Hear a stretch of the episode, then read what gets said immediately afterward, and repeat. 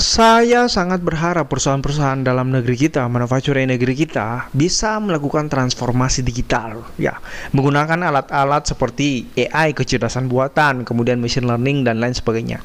Tapi banyak perusahaan kita, sekelas BUMN, sekelas multinational company pun, ya, masih menghadapi penghalang yang cukup signifikan Ya, saya akan berbagi beberapa hal apa signifikan itu yang menghambat mereka melakukan digital transformasi sampai dengan hari ini. Nomor satu yang saya lihat di lapangan, apakah itu tim bawah, operator, supervisor, manager, bahkan owner perusahaan sekalipun belum cukup mengerti apa yang dimaksud dengan digital transformasi dan komponen-komponennya. Apa yang dimaksud dengan probabilitas ya? Apa yang bisa dilakukan oleh AI artificial intelligence? Apa fungsi edge computing edge cloud dalam penggunaan artificial intelligence atau machine learning seperti itu kira-kira deep learning neural network semua aplikasi itu sudah ada dalam sistem komputerisasi saat ini hari ini dalam kehidupan kita baik secara personal maupun secara organisasi penghalang kedua adalah budaya dan pola pikir yang salah Oke. Okay. Ada pola pikir bahwa orang dalam organisasi tidak cukup siap untuk bertransformasi dalam digital. Ya. Karena apa? Karena ada rasa takut yang menurut saya sangat alami sih, ya. Mungkin ya itu terkait dengan pekerjaannya. Dia akan sepenuhnya nanti digantikan oleh transformer dalam proses pekerjaan bisnis dan lain sebagainya. Ada ketakutan dan itu sangat dipahami lah, sangat dimengerti, sangat alami.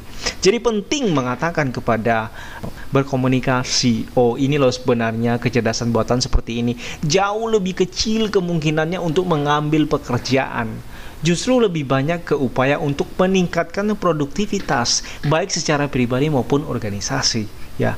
Sebenarnya saya percaya bahwa banyak transformasi yang membuat tempat kerja lebih manusiawi. Banyak hal-hal yang bisa dikerjakan lebih manusiawi daripada kondisi sekarang dengan menerapkan beberapa alat. Salah satunya adalah artificial intelligence ataupun alat-alat digitalisasi lainnya, sensor, uh, centering data. Penghalang lainnya yang menjadi barrier adalah teknologi, teknologi dan investasi. Ketika kita bicara teknologi, teknologi banyak sekali pilihan saat ini pada tahap ini kita harus mampu mengerti mana yang teknologi yang digunakan untuk edge, mana yang digunakan untuk edge computing dan yang jelas kita juga butuh namanya investasi. 10 tahun belakangan ini perusahaan itu sudah menginvestasikan banyak hal yang secara tidak langsung sebenarnya mengarah kepada teknologi industrial 4.0. Mereka sepenuhnya menyadari bahwa yang namanya data dan akuisisi data dari lapangan menuju office itu sangat diperlukan Perusahaan sepenuhnya sangat menyadari bahwa data yang sifatnya real time, kemudian ada visualisasi, kemudian ada transparansi, kemudian itu punya intelijensi, jauh lebih baik daripada manual entry maupun manual reporting.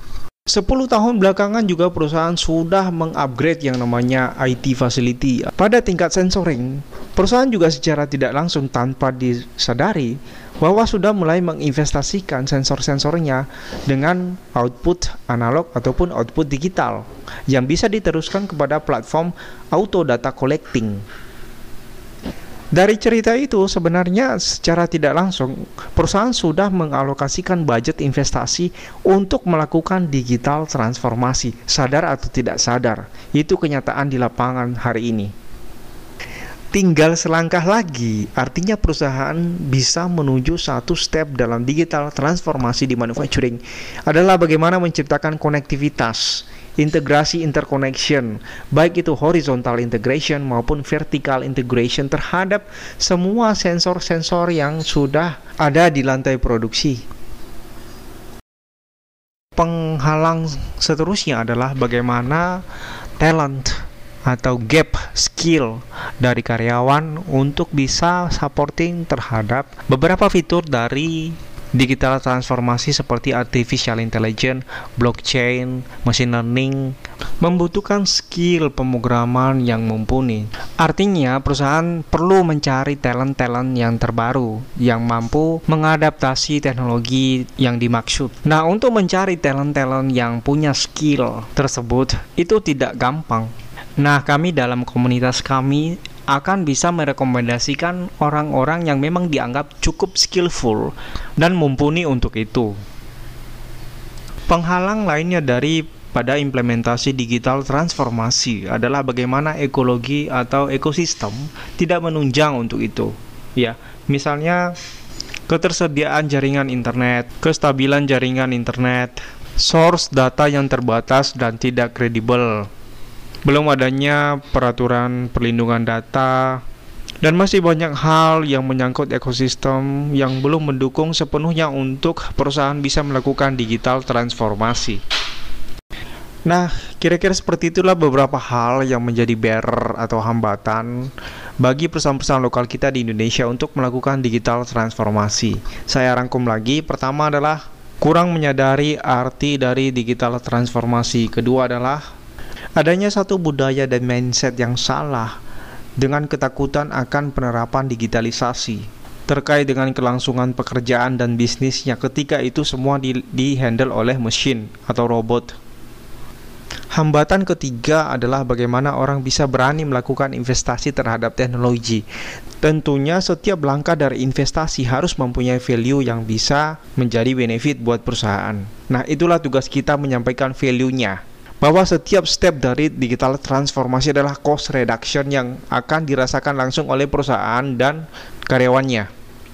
Tantangan keempat adalah bagaimana menemukan talent-talent yang bisa punya skill dan membantu perusahaan untuk mengadopsi machine learning, artificial intelligence, blockchain, auto data collecting, dan lain sebagainya.